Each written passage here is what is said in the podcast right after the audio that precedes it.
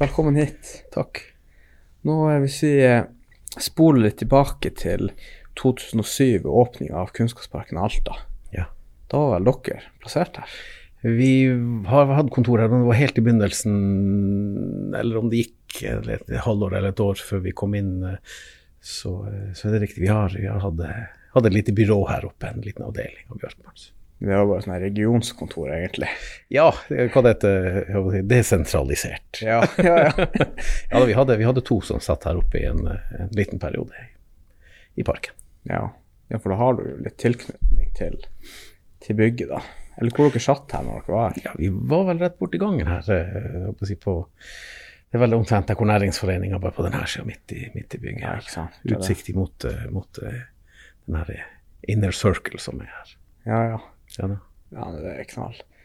Men uh, du driver nå et uh, trykkeri, og uh, hvis vi går når vi tar litt historie om Bjørkmas, hvor, hvor var det hele starta? Helt i begynnelsen, når det ble starta opp? Hvordan ja. gikk det for? Altså, det her er jo en sånn familiegreie, for å si det sånn. Jeg har jo en far som har på seg starta starta selve Bjørkvans. Mm. Men, men, eh, men også min bestefar er utdanna innenfor faget. Så, eh, så, det var sånn på en måte det kom inn eh, jeg håper å si, med, med, med grafikere. da. Var bl.a. fengsla under krigen, satt i Tyskland, min bestefar. og uh, Satt veldig mange år i Tyskland, men overlevde fordi at han, fordi at han var typograf. Og kunne oh, ja. satt da i, i fangeleir der nede, men fikk håper å si, fikk mat og en del sånn, for man hadde bruk for han eh, den gangen. Så eh, det var en, det si, en del av den historien. Men, eh, men si, selve Bjørkmann, sånn som vi kjenner det, det firmaet i dag, det ble starta av min far i 1968 her i Alta. Da starter vi på Elvebakken, på, eller Elbakken som vi sier, vi Elbaksinga.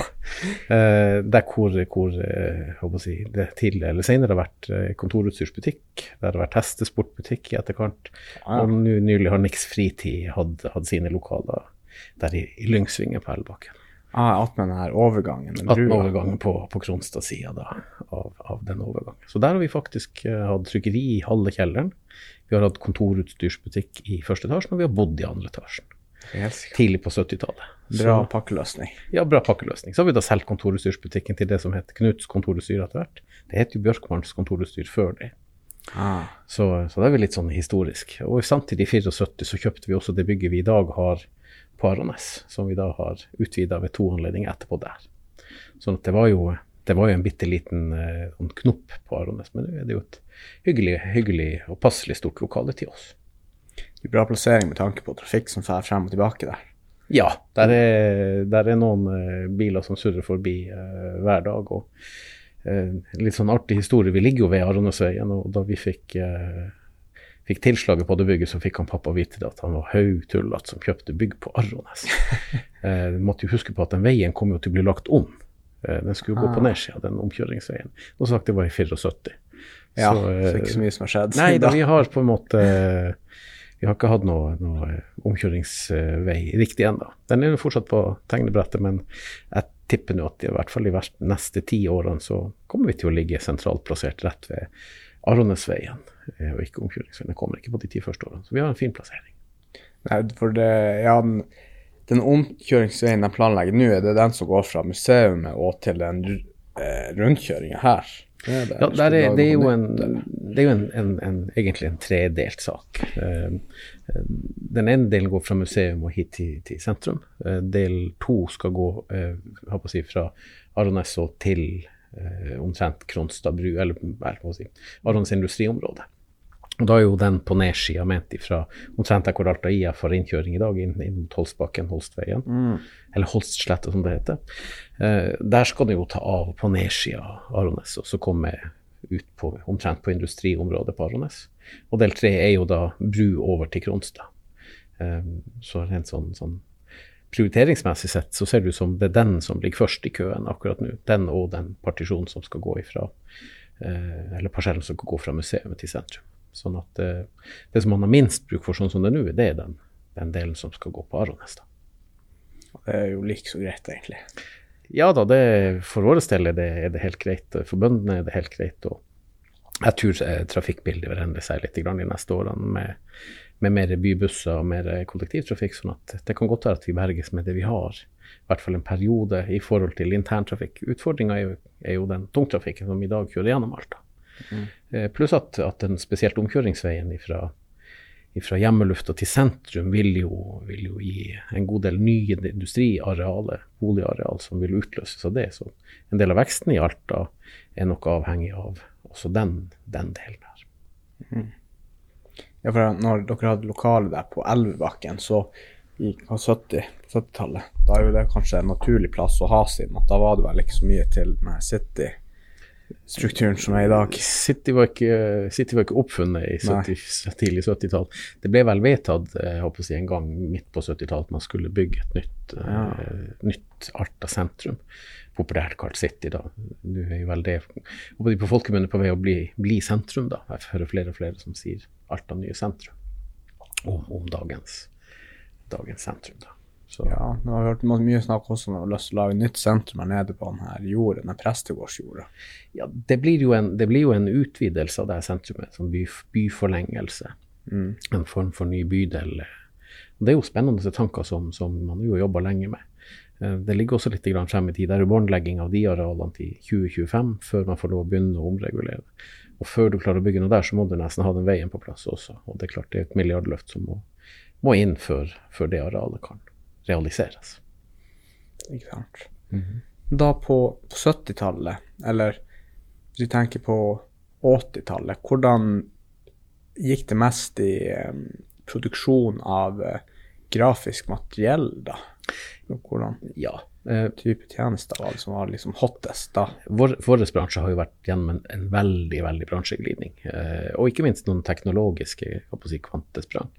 Eh, da vi starta opp i si, 68, så var det jo den gamle boktrykksmetoden. altså eh, potettrykket med forhøyde bokstaver og farge som på en måte ble lagt på dem, og så deretter kjørt videre på papir, som var på en måte den teknologiske biten. Det var jo per definisjon den samme teknologien som Gutenberg hadde, bare at vi har jo hatt maskiner for det.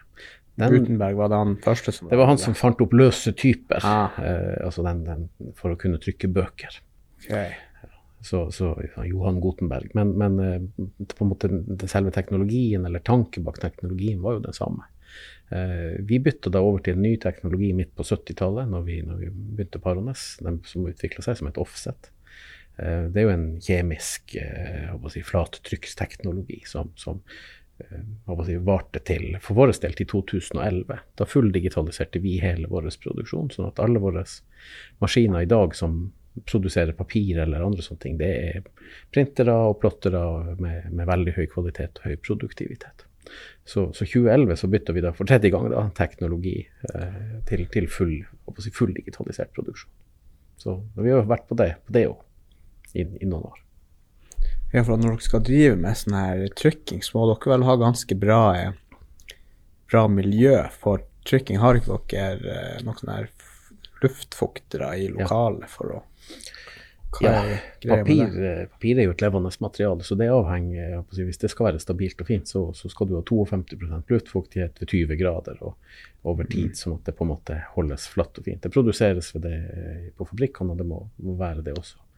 Eh, i vanlig produksjon. Men nå skal det også sies at trykksakproduksjon er jo blitt mindre og mindre i løpet av de siste ti årene. Bransjeglidninga har jo tatt også det. Eh, hvis vi går tilbake til, til 90-tallet, så sto vi og trykte si, titusenvis av konvolutter hver uke og ah. brevark i, nesten i pallevis. Eh, skulle jeg levd av å trykke konvolutter i dag, så hadde jeg hatt noe å gjøre i uke én i januar, og så vært tomt resten av året. Så det er ja. veldig, veldig lite. Sånn at Vår bransje har en veldig veldig bransjeglidning på de områdene. I dag så leverer vi jo i tillegg til, til rene trykkeritjenester, som, som, det fortsatt er noe av på brosjyrer og en del sånne ting, så det er jo bøker som er fortsatt en del av Folk liker å lese bøker, eh, og antall bøker som produseres, antall titler som gis ut, øker.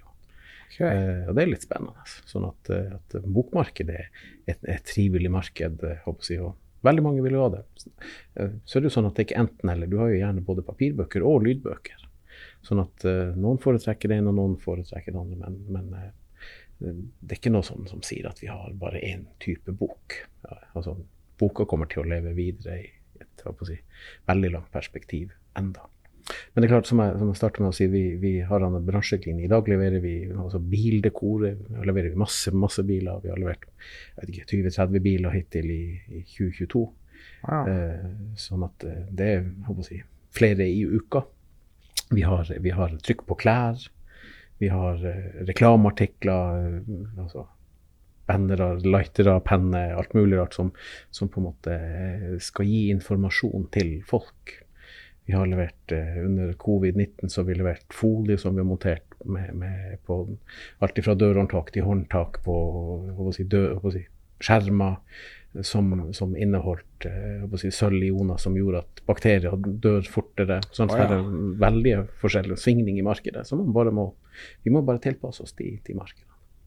Munnbind har vi jo levert. Munnbind med, med logo på i, i, tusentalls. Sånn at, eh, ja. Ja, det var ganske hot det i en periode. Ja da. Og når man først skal gå med et munnbind, så hvorfor ikke ha en liten reklame for å fortelle hvem du er. Så, eh, så nei vi, det, det, sprang ut noen, noen, ting av det. Så det er jo sånn i alle bransjer i dag. Vi må jo være på å være hva si, Selge det som kan selges av, av, eh, av reklame. Vårt motto er jo 'vi gjør deg synlig'. Og da må vi sørge for at vi hjelper folk å være synlige på de overflatene som de skal være synlige på.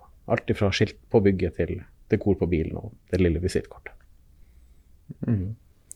Når det kommer til de her Når du produserer bøker, er det mest er det lokale forfattere, da, på en måte? Eller får dere fra hele landet? Nei, vi, vi har det lokale markedet i vårt vårt si, bilde. Men det som, mm. det som, jo er med bøker, det er jo For det første så må du jo ha et, et omslag som selv. Eh, du skal ha eh, Hva vil det si, et omslag? Er det Ja, altså selve boka. Når du holder den, så skal du få ah. lyst til å lese den. Det skal være ja, ja, forsida. Ja, stilig design. Ja, okay, ja. Eh, og så er det jo slik at det å ha en lettlest bok, det er, en, det er et fag. Eh, det gamle typograffaget, si, det med å ha linjelengde og bokstavavstand, og ikke minst bokstav eller fonttype som er riktig, som gjør at du kan lese mengde tekst over tid, det er også, det er også kompetanse. Det, du er ikke typograf for det om du kjøper deg Word, for å si det på den måten. Det er mye fine maler, hyggelig, men, men eh, fra å være bra til å være virkelig bra, så er det noen, noen steg. Så, men vi har jo som sagt lokale bøker. Alt fra historiebøker, personlige bøker, diktbøker, bildebøker som, som vi leverer. Det er faktisk veldig godt poeng med ja, forskjellige sånn skrifttyper. Det har jeg egentlig aldri tenkt på. At eh, noen skrifttyper er jo veldig tungvint å lese over, over, tid. Hvis du leser en bok med en skrifttype, så kan man sikkert merke ganske godt at det her ikke er det mest optimale. Ja da, og det er jo, det er jo fag. Vi, altså skrifttypene har jo forskjellige nav navn også på sånne serier. Du har, eh, jeg håper å si, noe som heter for grotesk. Eh, det har egentlig bare med hvordan bokstaven er utforma, men i et uh, masse bibliotek. Du har det som er mest brukt i avis, f.eks. det som er Times New Roman, som sikkert alle har hørt om. Det er jo da en, en gammel antikva-skrift. Og det har med, også med hvordan seriffene på bokstaven er utforma, som, som, gjør at altså Gammel antikva-skrifta er, er, den skriftfamilien som du kan lese mye av uten at øyet blir slitent. Men så har du også, har du også bokstavavstand, du har, har, linjelengde, du har altså hvordan bildene er plassert. Alle de tingene er jo også fag. Så det er ikke noe quick fix. Det her er høy kompetanse på dem som, som jobber hos meg, som kan det. De er virkelig flinke. Nei, det har jo absolutt mye å si hvor man plasserer ting, og ja, hvor øyet mm. faller. og mm. Det er nok mye detaljer i det. Men Times New Roman, er det, er det Times Magazine som har laga den fonten, eller er det bare hvis jeg ikke husker helt feil, så ble den faktisk tegna til avisa Times. Om det er New York Times eller hvem det er, men den skal være tegna til en avis ah. i, i, sin, uh, i, sin, tid. Med fare for å lyve så mener jeg det var New York Times som fikk den tegna. Den er da håper jeg, offentlig tilgjengelig. Skrifttype uh, er, jo, er jo et fag. De som tegner skrift, det er jo spesielle, jeg håper å si, spesielle fagkompetanse du har der. Og det er jo faktisk sånn at med PC i dag så følger det jo med et sett eh, skrifter. Men vi bruker jo mange mange flere. For hver skrift og på sitt snitt som vi bruker, så må vi kjøpe det. Det er ikke noe gratis programvare som bare følger med. Eh, og sammen når du på en måte kommer inn på et skrifttype, så har du gjerne det som heter for open type og en del sånne ting. Hvordan du kan bruke, kan du veksle det mellom, mellom plattformer, mellom Mac-er og PC-er, ikke nødvendigvis det samme snittet. Og det er også fag. Ja, for det endrer seg. Det, det blir fremstilt på en annen måte på en f.eks. Mac, Mac enn en Windows-PC. Det kan du risikere. Du kan faktisk få, hvis du lager et uh, dokument i Word på, på, din PC, og du sender det over til en som jobber på samme kontor som deg, som har en litt nyere PC, så kan det se helt annerledes ut. Mm. Og det er jo en del av det som vi fanger opp når vi si, gjør, gjør, ting hos oss. Uh, derfor har du også gjerne PDF, Portable Document File, som jo består på en måte av en lost. Altså Du lager jo gjerne en PDF ut fra forskjellige typer dokumenter, og da på en måte låser du det, alt det som er der, sånn at det blir likedan. Ja, så da blir jo egentlig teksten ikke redigerbar, men den blir liksom printa inn i PDF-en på en måte? Ja, det blir et form for bilde. Ja. Men, men, samtidig så er det ikke en bildefil, det er en, en, også en PDF-fil, portable document file. Det er deres portabel mellom forskjellige enheter, uten at du endrer. Ja, for det er jo et ganske foretrukket format nå til dags når det kommer til det ja. meste, egentlig. Nettopp derfor. Fordi at mm. du kan flytte den uten at det kommer endringer. Og så er den gjerne mindre, altså i, i, i størrelse, i, eh, så den tar mindre lagringsplass. Selv om du fortsatt får gigantiske filer. Jeg fikk akkurat en på 500 megabyte inn som på en måte det er liksom Ja, det er mye. ja, svære greier. Det, det, er jo gjerne ting som er laga av, av, Det her var laga av noen ungdommer, sant, hvor du setter masse bilder inn, du setter på skrå, og du legger ting over. og uh, du, du, må gjerne jobbe litt med, med en sånn PDF-fil for å få den ned i størrelse hvis du normalt skal bruke den. Men vi har utstyr for det òg, for å si det på den måten. Det, men det, du får svære PDF-filer hvis du er skikkelig uheldig. Ja, nei, jeg har opplevd det der at man har fått hvis jeg har eksportert noe fra noen sånne presentasjonsprogrammer, mm. så hendte det at de har blitt 90 megabyte, og da må jeg gi igjen noen sånne konvertere for å få det ned. Men det er jo helt sinnssykt hvor uh, langt ned man kan få dem. Ja. Plutselig har du 90 megabyte, så har du plutselig 2 megabyte, og så ser man at det ikke er så vesentlig endring i kvalitet heller. det, er gjerne, gjerne bilder som endrer seg. Den fletter ja. jo gjerne ting sånn at det som, det som, du ikke ser, forsvinner. Sånn at det, det er jo en del av det som, som er mulighetene der. Eh, det som mange plages med, det er jo gjerne mailprogrammene igjen, som veldig fleste servere tar ikke over 30 megabyte. Så når du sender ja, filer, sånn, så og, og, der er jo en utfordring, for du, noen sender deg en fil, og så er den 40, og så kommer den ikke frem, og så lurer de hvorfor du ikke svarer. Ja, sant. har du ikke fått. Det har jeg opplevd så sent som i dag. Så det, ja. det er veldig vanlig. Når dere investerte i Når dere digitaliserte for fullt da, i 2011, ja. eh, gikk det på skinner, eller møtte dere noen sånne eh, utfordringer med den digitaliseringa? Ja, utfordringer vil det jo alltid være når du bytter teknologi. Vi, vi hadde jo si, kjørt parallelt løp enda et par-tre år før det. Så vi, vi, ah. si, vi avslutta den gamle offset-teknologien i 2011. Eh, den brukes jo enda i en del trykkeri. Altaposten f.eks. kjører jo offset på avistrykk. Så den, den, er hensiktsmessig på den type produksjon. Eh, Hva vil det offset? Vil det, det var bare den vanlige printermetoden, eller den gamle? Ja, det er den, det er den vanlige, den som brukes som flattrykk, hvor du har en offset-plate som farges inn, og så rulles det over på ja. en, som gummiduk, og så igjen videre på papir, og så er det tørt når det kommer ut. på en måte, ja. sånn halvtørt. Ja. Så den, den mellomteknologien som kom, den er vel oppfunnet på 60-tallet i utgangspunktet, men men brukt ifra i hvert fall her i Alta hos oss fra midt på 70-tallet og frem til 2011. Da da var den avleggs for vår del. Men vi kjørte parallelt, eh, altså digitaltrykk, før det. da. Det gjorde vi med både printer og plotter. Men, det, så, men det, det, er jo på en måte fordelen med å ha begge teknologiene i hus i den perioden, var jo at du kunne velge. Eh, og vi håper vi, faser jo da ut den fordi at den, den digitale hadde, hadde, flere fordeler enn en ulemper for vår del. Ja, og det er jo en veldig lurt uh, metode å gjøre det på, at man ja. Eh, har litt parallell. Liksom. Da kan du lære deg opp faktisk hvordan det her utstyret fungerer, før du bare hiver alle pengene og har masse oppdrag i kø, og så bare nei. Funker visst ikke likevel. Ja da, og så er det slik at, at uh, den gamle offset-teknologien var jo velprøvd. Det var store maskiner. Den siste offset-maskinen vi hadde, trykkmaskinen, veide jo 5,5 tonn. Sant? Det var liksom en mm. stålklump som sto bort på gulvet der og, og rulla og gikk. Men den hadde jo liten fleksibilitet da, i forhold til den digitale. Mens den digitale sant, er jo per definisjon en kopimaskin. Eh, og vi vet jo alle sammen en kopimaskin hvor, si, stabil den er. Sånn at vi er helt avhengig av at vi har teknikere som er innom og si, ukentlig går gjennom dem. Vi bytter mye deler sjøl når det trenger å gå, men de er, jo, de er jo blitt veldig mye mer stabile enn de var. Eh, og den gir veldig veldig bra trykkresultat og høy produktivitet. Og for alle, de surrer godt eh, si, hver dag. Og, det funker, det. Er det større enn en vanlig printer? Å oh, ja, Den, den, eh, den jeg håper å si, enemaskinen som vi har i dag, den er vel seks meter lang, eller noe sånt, sånn at det er jo en stor Ja, sant. Ja da, det, det Men er det sånn her at eh, det, For at vi har jo en printer, og den printer ikke hvis man er superstressa. Men hvis man er ikke stressa, så printer den som bare det. Det opplever man noe sånt? Nei, vi får jo som regel eh, feil på maskinen hvis vi har et hasteoppdrag. Det er jo en form for superstress av det også. Ja, ja, ja, det er jo det. Men som jeg sier, vi har, vi, har et, eh, vi har en maskin med teknikere som bor i Alta, og som, som eh, vi har delelager i Alta. Sånn at, og de firmaene som vi handler med i Alta her, de er superflinke. De har høy kvalitet. De er å si, up to date på, den- på det de kan, og de, de, når vi sier hopp, så hopper de. Så det er all honnør vi har. Vi bor jo i en by som er fantastisk å bo i. Her er, her er, det er bare å svare, og si, rope opp, så er det noen som hopper og hjelper deg. Så det, Det er veldig imponerende at de har eh, teknikere da tilgjengelig i Alta. Men er det sånn, er det en type Canon-printer, eller? Ja, det her er da konkurrenten til Canon. Cannon Canon har akkurat likedan, eh, like store og like gode maskiner som den vi har, men vi har eh, på siden, som heter Konico Minolta. Sånn at det er på en måte en, det er en annen, annen fabrikk. Det blir litt som eh, BMW eller Mercedes.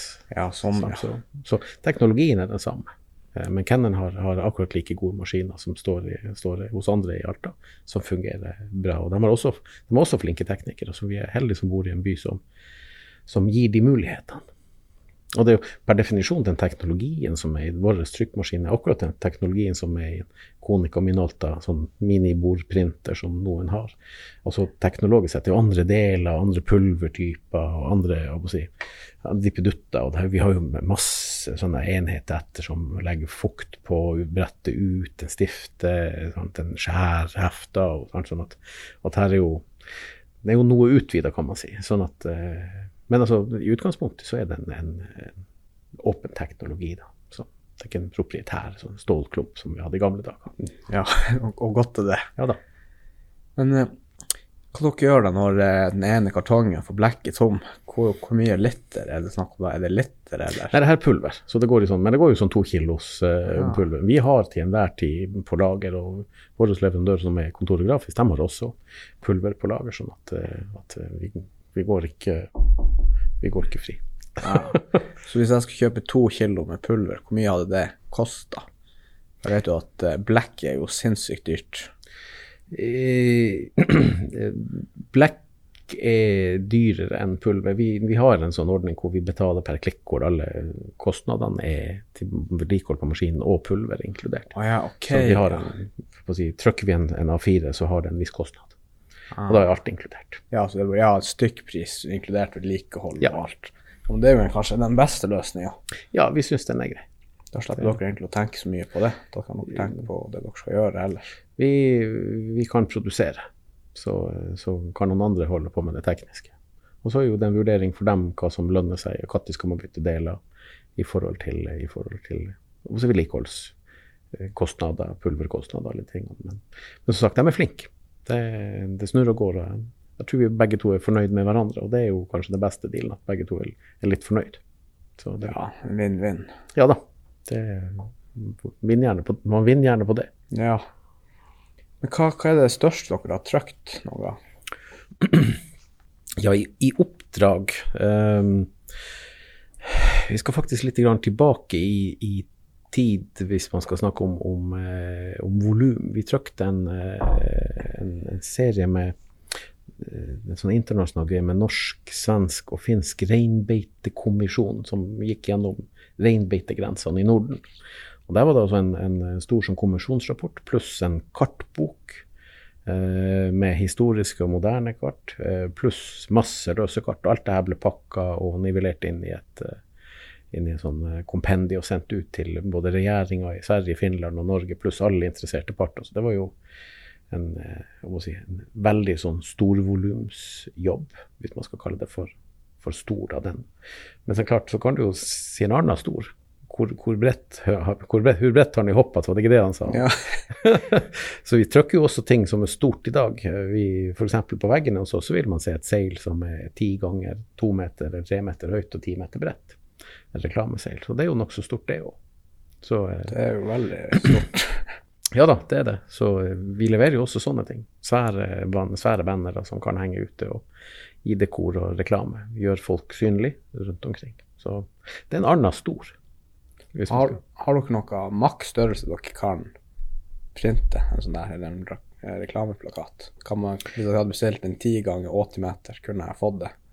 Ja, det må, eh, det må jeg, konfeksjoneres eller limes, alt etter hvilken materie du skal ha på det. For det er ikke noe plotter som er ti meter brei, eh, men, men, eh, vi limer det jo i hop.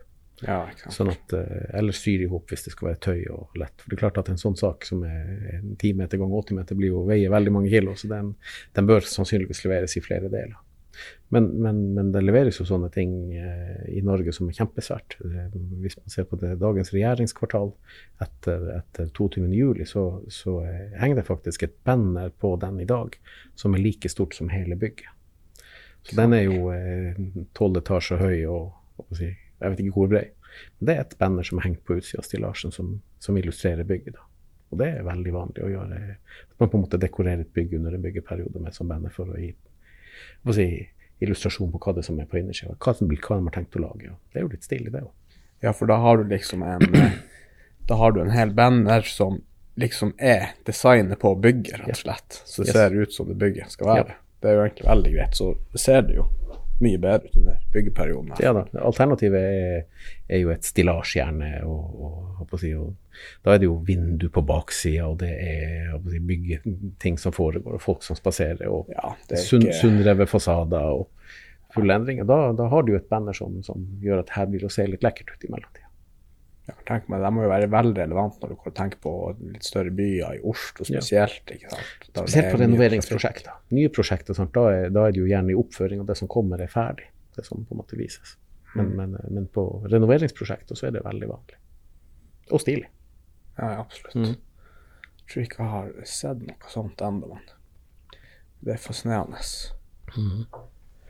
Men altså, hva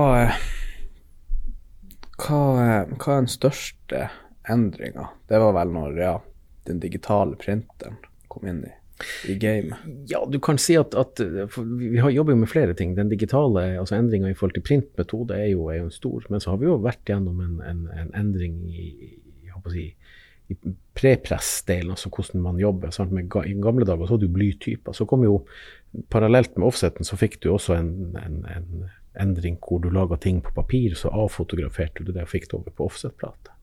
Men så kom jo på en måte desktop publishing, som det heter på, på 90-tallet, når Mac-en kom.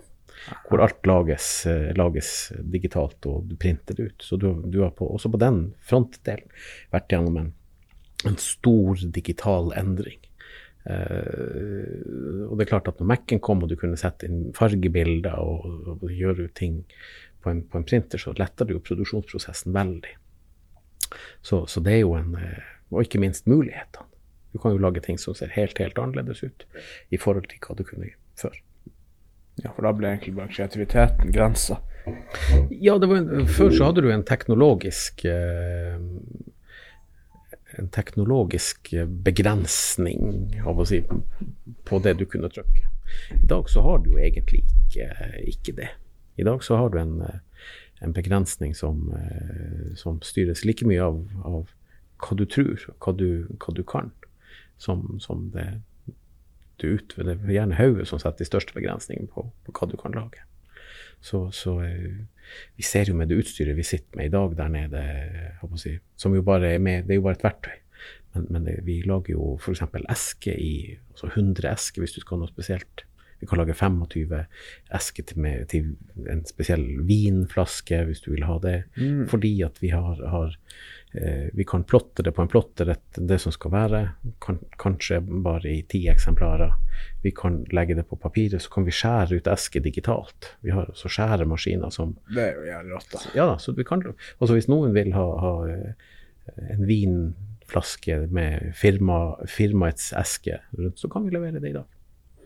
Det, alt det produserer vi lokalt og, og, leverer ut. Så da har du plutselig en giveaway-sak til kundene dine eller til medarbeiderne dine som, som, blir veldig, veldig personlig. Per definisjon så kan du jo lage du kan lage én og én. Du kan ha navnet på hver enkelt ansatt på eska. Si at det her er til Marie og det her er til Jan Petter. Litt stilig. Ja, men da er det jo faktisk bare kreativiteten som setter grenser. Det er rett. Men eh, gjør du noe annet enn å eh, Har du noe hobbyer? Om jeg har hobbyer? Ja. Ja, eh, når jeg har tid til det. Ja da, for å si det sånn. Det, jeg gleder meg til sommeren. Da er det jo selvfølgelig uten ut motorsykkelen. Jeg har kjørt i april allerede. Stat- Statistikk kan brukes til mine. Jeg har kjørt motorsykkel i april. Eh, Jeg blir jo kjørt i mai eh, sant, og hele pakka. Og ja. skar det seg jo litt grann sist i april og tidlig i mai med litt for mye snø til at, eh, at det ble noe der. ja. Men sånn, sånn, vi vet hvor vi bor, så det er ikke noe problem. Og så er det jo straks elvefiske. Så det er klart at i forhold til hobbyer, så eh, vi gleder oss veldig til vi skal ha eh, noen turer opp i elva. og Se, se om vi klarer å lure storlaksen, men, men det er jo bare litt av moroa. Det å sitte på, på bredden i godt selskap med, med noe god mat og skryte litt og lyge litt og, Og en eh, ja, og noe godt i koppen. Sant? Så, eh, så, så blir det veldig trivelig. Mm. Så, eh, så vi håper særgudene er oss, oss eh, jeg si, bi i år òg. At det er vann i elva, at vi har ikke bare fire grader og regn i sommer. ja, det er ikke like Det er ikke like, like artig. Det er ikke like artig. Så det skal vi, det gleder vi oss til. Det blir, det blir gøy. Så, så er jo en hobby som heter politikk, eh, som jo er i ferd med å bli litt mer enn en hobby. Det, jeg har jo holdt på med det nå i en ti-tolv år som, som eh, si, aktiv politiker. eh, Jeg satt vel åtte år for det også som vara til kommunestyret. Så totalt sett så nærmer jeg meg jo 20 år med politikk, da. Såpass. Så, eh, og det er jo artig. Det er givende, det er veldig lærerikt. Eh, man treffer veldig mye fine folk. Og så er det noen som tror at vi bare krangler. Vi hører at dere bare krangler. Vi gjør jo ikke det. Eh, jeg vil tro at ca. 90% av vedtakene vi gjør i kommunestyret i Alta, er enstemmig. Ah, ja. Ja da, og vi er veldig flinke å diskutere sak. Så når jeg og ordføreren jeg håper å si, er uenige om ting, og det si, høres ut som vi krangler, så gjør vi vi diskuterer saken. Når vi er ferdig med saken og klubba går i bordet, så drikker vi kaffe i lag. Da spiser vi lunsjmat med det samme bordet. Og jeg møtte sikkert eh, Monica ja, i hvert fall én gang i uka, hvor vi diskuterer andre saker og utvikling av Alta utvikling av vår region og hva vi kan gjøre for å, for å skape vekst i Alta. Så, så det er utrolig spennende. Eh, utrolig lærerikt, utrolig givende. Så jeg tror nok at de som, de som tror at vi, vi bare krangler, dem, de kan få lov å sitte på sidelinja eller være med. Engasjere. Folk må gjerne engasjere seg politisk, og uansett parti. Vi trenger folk som er engasjert, og de vil få en, en ny opplevelse av hvor fint vi har det i Alta, hvor godt samarbeid vi har i Alta. Selv om jeg og Monica jeg, jeg, jeg bruker ord for si, opposisjon opposisjon, selv om vi er uenige om, om ting, så er vi veldig veldig ofte enige om ting også. Kanskje også, som jeg sier, oftest. Men ikke sant eh, Aviser får ikke klikk av å skrive om gladsaker. De må ha noe eh, Ja da. kniving. Ja da, det, vi vet jo det. Ja. Så, så det. Men det er viktig at vi får ut informasjon også om at vi faktisk er enige i det aller meste. Mm. Det, det, det er viktig at ikke det blir stående et bilde av at vi bare krangler, for det er jo, ikke, det er jo et, et feil bilde. Så avisen må jo gjerne skrive om de tingene vi er uenige om, men det er viktig at folk vet at vi er mest enige. Det, det gir mest ro, det gir mest, eh, mest eh, fremdrift. For, for, for det vi er enige om, det er jo det som gir fremdrift. Og det, det er jo det som er det aller viktigste. Så får vi heller krangle om de små tingene som, som er småting. Vi, altså, vi krangler om viktige ting også, men, men, men, men eh, det som vi er enige om, det er jo det som gir fremdrift. Og siden så blir vi jo enige om de andre tingene òg. Men av og til så vinner vi, og av og til så vinner, vinner de andre de sakene. Og, og sånn er det. Det er bra at, eh, ja, at det meste i hvert fall er enstemmig. Det hadde ikke jeg trodd, egentlig. Det er sånn. I Alta er det sånn. Og det er jo, det er kanskje derfor vi også har, har fremdrift. Der må jo, si, må gi honnør til den som sitter der oppe for å være, eh, være profesjonell. Det, altså man, man, man har en tradisjon i Alta for å, å ta vare på hverandre eh, i en sånn diskusjon. sånn at, at eh, Selv om på en måte vi fra, fra borgerlig side også, så Jeg drikker jo kaffe med dem fra, fra Rødt, som er et kommunistisk parti. Jeg har ingen problemer med det. Det er jo mine naboer. Ja, det viktigste er jo at man skal kunne være enig å være uenig, og ikke bli uvenner av den grunn. ikke sant? Ja. Så for hvis du går etter den filosofien at hvis noen som er uenig med deg i den ene saken, så kan ikke du snakke med dem, da har du ikke så mange å snakke med til slutt. Helt meningsløst. Og, og, og det er klart at når jeg fra Høyre sier at, at, at jeg er helt uenig i ideologien til, til Rødt som et kommunistisk parti, så er jeg uenig i ideologien. Mm. Men fortsatt så er det sånn at, at de som sitter i kommunestyret fra Rødt, de er, jo, de er jo, mine naboer og de, de, er mine bekjente. Jeg snakker med dem og drikker kaffe i lag, men dem. skulle bare mangle. Men jeg er uenig i deres ideologiske tilnærming. Jeg, jeg, mener at det virker, og det må jeg få lov å mene. Og de aksepterer jo det. Akkurat som jeg aksepterer at de mener at kommunisme er lykke. Det er det som er fint å bo i et demokrati. Ja, og det er, eh, vi skal ikke så veldig langt øst før vi ser hvordan det kunne vært. Ja. Eh, sånn at vi, vi, eh, vi Jeg syns det vi er heldige. Vi hadde et intervju nylig med, med Nettavisen, som for så vidt kom i Firmaet Dagbladet også, hvor, de, hvor de ringte meg og spurte hva jeg mente om pasientfokus. Og som jeg sa at Vi må spole tilbake til begynnelsen. Det første jeg sa, det at jeg syns det er kjempebra at vi bor i et land hvor man faktisk kan starte et parti mm. eh, og få det til å virke. Det er jo kjempebra. Altså, det, det, er jo demokratiet på sitt beste. Og så syns jeg det er kjempebra at, at, man tør å starte en liste som, som tar tak i saker man brenner for at det er en mulighet til å, til å få noen inn på Stortinget.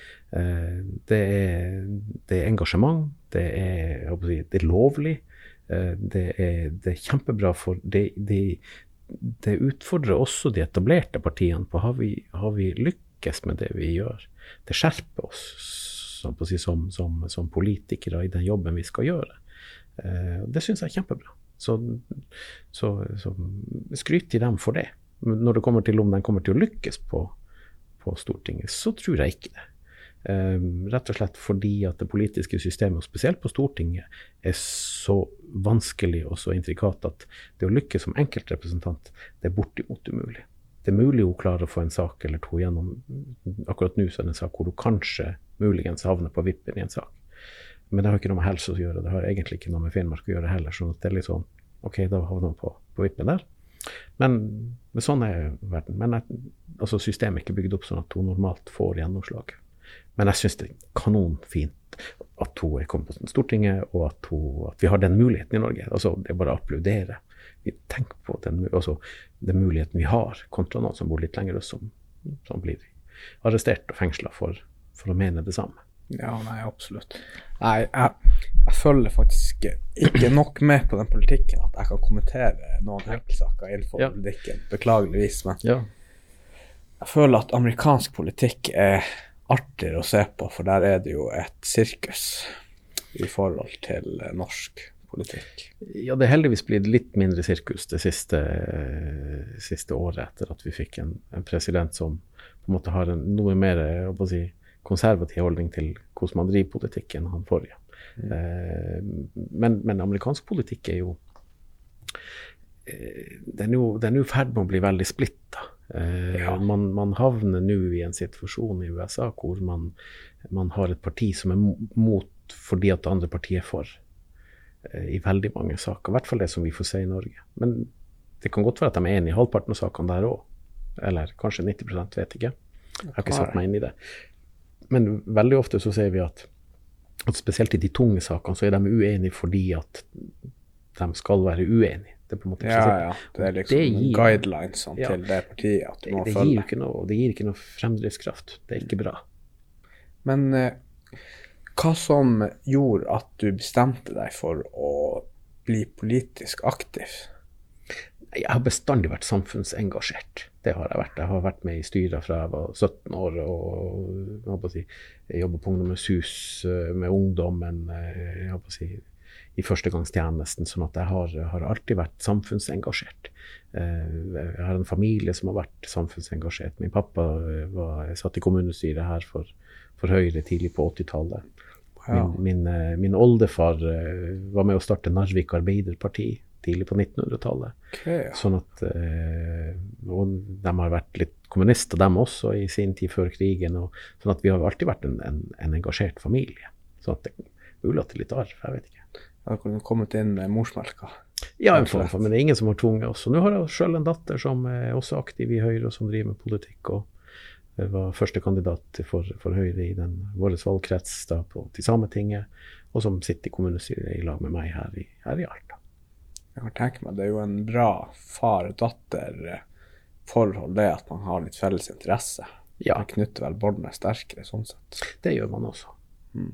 Selv om man av og til også i familien har havner på andre sida fordi at man har prinsippet uenig med håpet, men Ja, ja altså det, det er sånn er her, I alle familiemiddagene blir det sånn at det blir litt uh, hett stemning, da.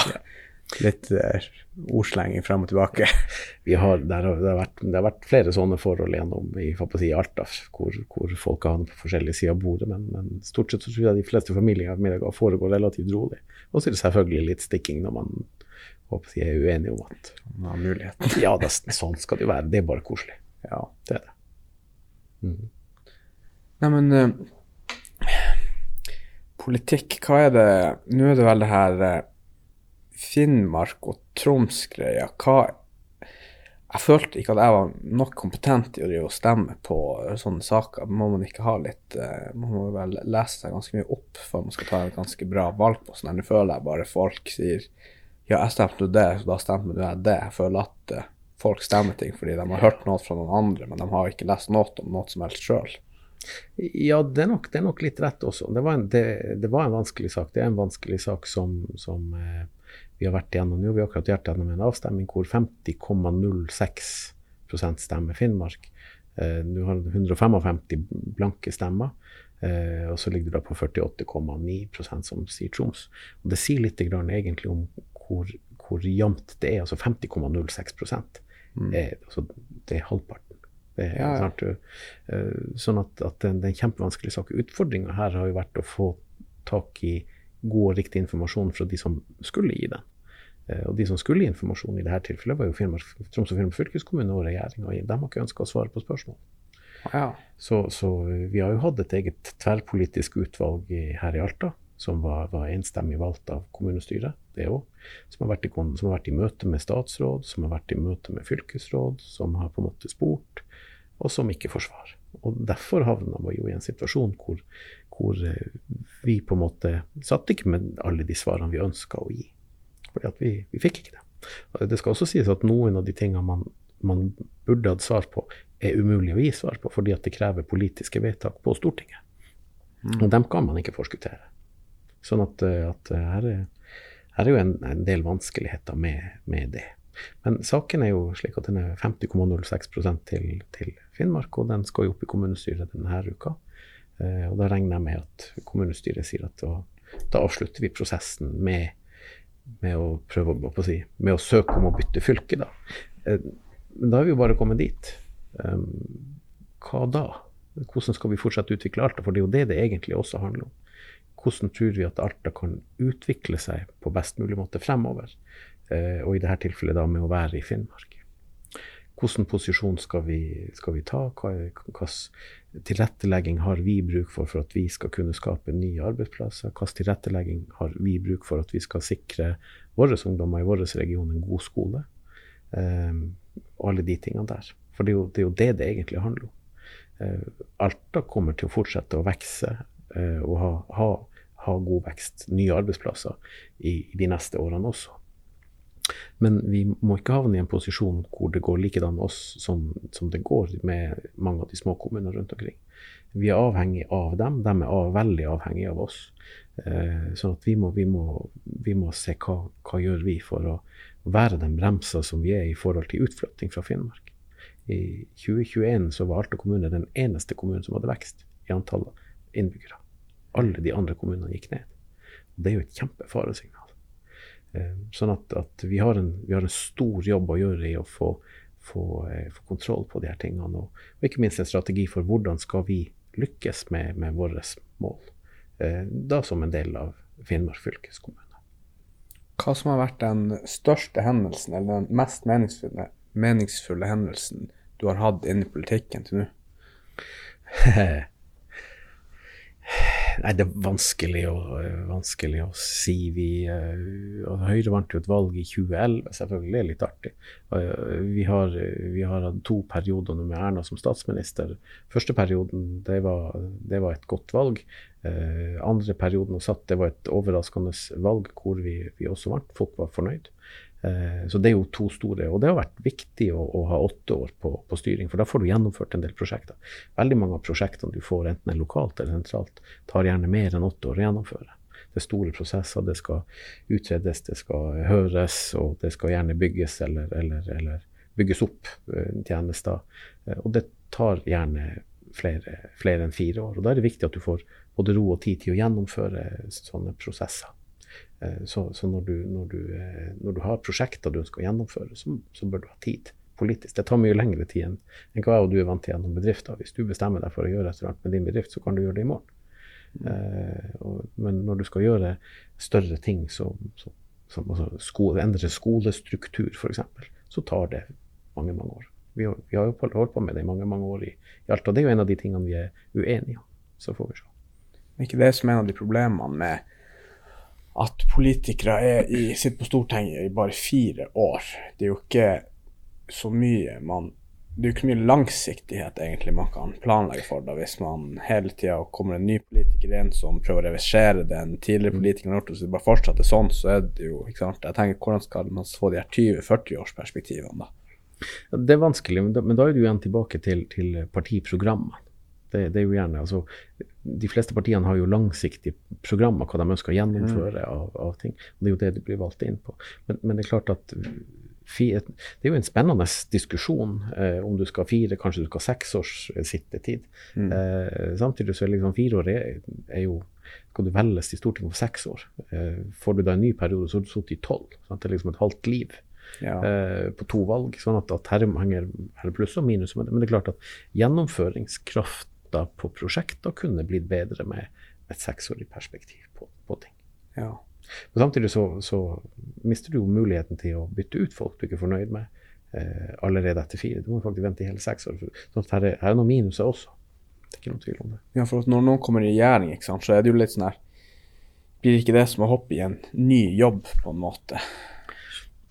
Ja, du har, du har to typer politikere. og Det er de som sitter på Stortinget, og så har du de som sitter i regjeringen. Ja, ja, eh, sånn at, at eh, stortingspolitikerne er jo valgt. Eh, du, har jo, du, har jo, statsråder som, som eh, hentes inn med spesiell kompetanse, og som, som skal ha ansvar, fagansvar for et, for et uh, departement, som nødvendigvis ikke er politikere i det hele tatt fra før av. Altså, vi har jo Åse Kleveland som kom som kulturminister, og måtte vel melde seg inn i Arbeiderpartiet for å få lov å være si, kulturminister ja. i, i, sin tid. sånn at, at det, er alltid, det er alltid, Du henter jo alltid inn noen statsråder som ikke nødvendigvis sitter på Stortinget. Det, det Sånn vi har alle regjeringene alltid gjort det. Ja, for det f.eks. som rådmann eller Jørgen Kristoffersen, som kan sitte over, lengre perioder og ha litt ja. mer langsiktig perspektiv. Men de er ansatt. Statsrådene er ikke ansatt. De er, ja. de er, de er i en periode, de får jo en form for politikerhonorar, eller statsrådshonorar, men, men de kan jo også risikere å måtte gå i morgen. Okay, ja. Sånn at en statsråd eh, kan jo byttes ut. Altså, vi har jo bytta statsråd allerede i dagens regjering fordi at det var si, gjort feil med reiseregninger, eller folk har bytta ja. jobb. Eller, og så er, jo, så er, det jo, noen som av og til ønsker å si at jeg har fått tilbud om en annen jobb på utsida, så jeg ber om å få, få fratre som statsråd. Jeg har fått en mulighet i, som jeg har gått og venta på lenge.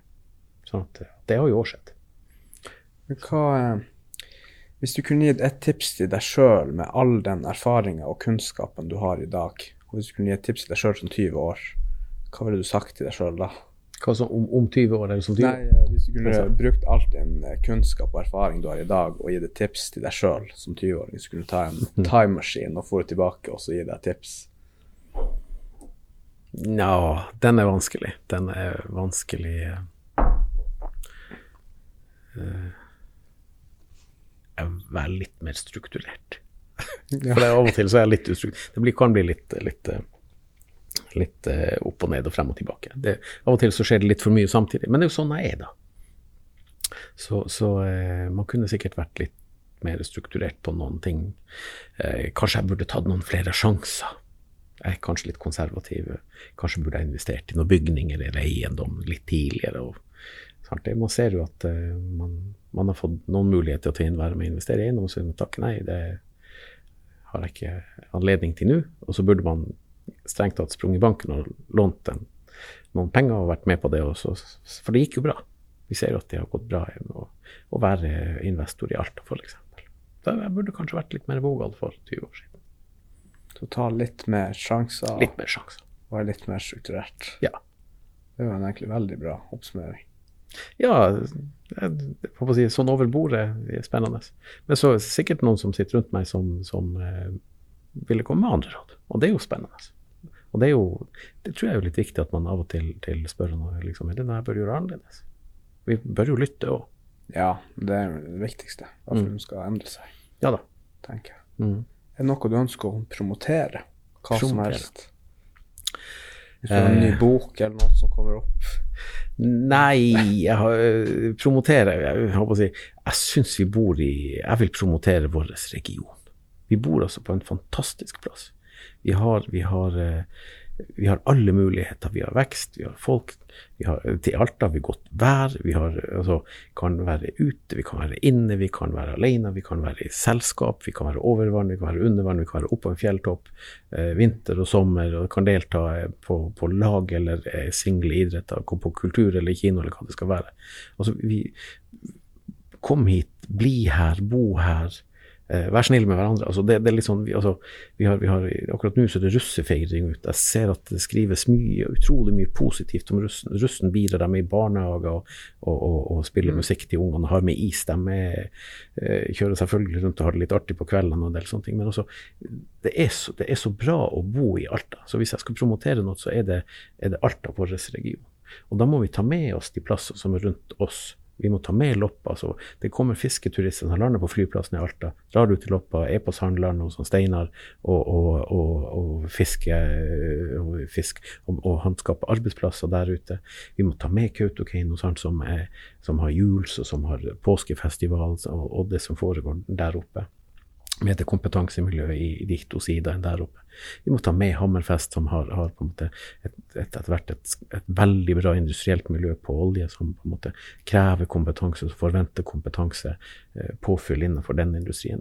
Og, og, vi har drift, altså masse driftige folk fra næringslivet her i, i Alta som, som, svarer ja, som tar sjanser, og som, som, som lykkes.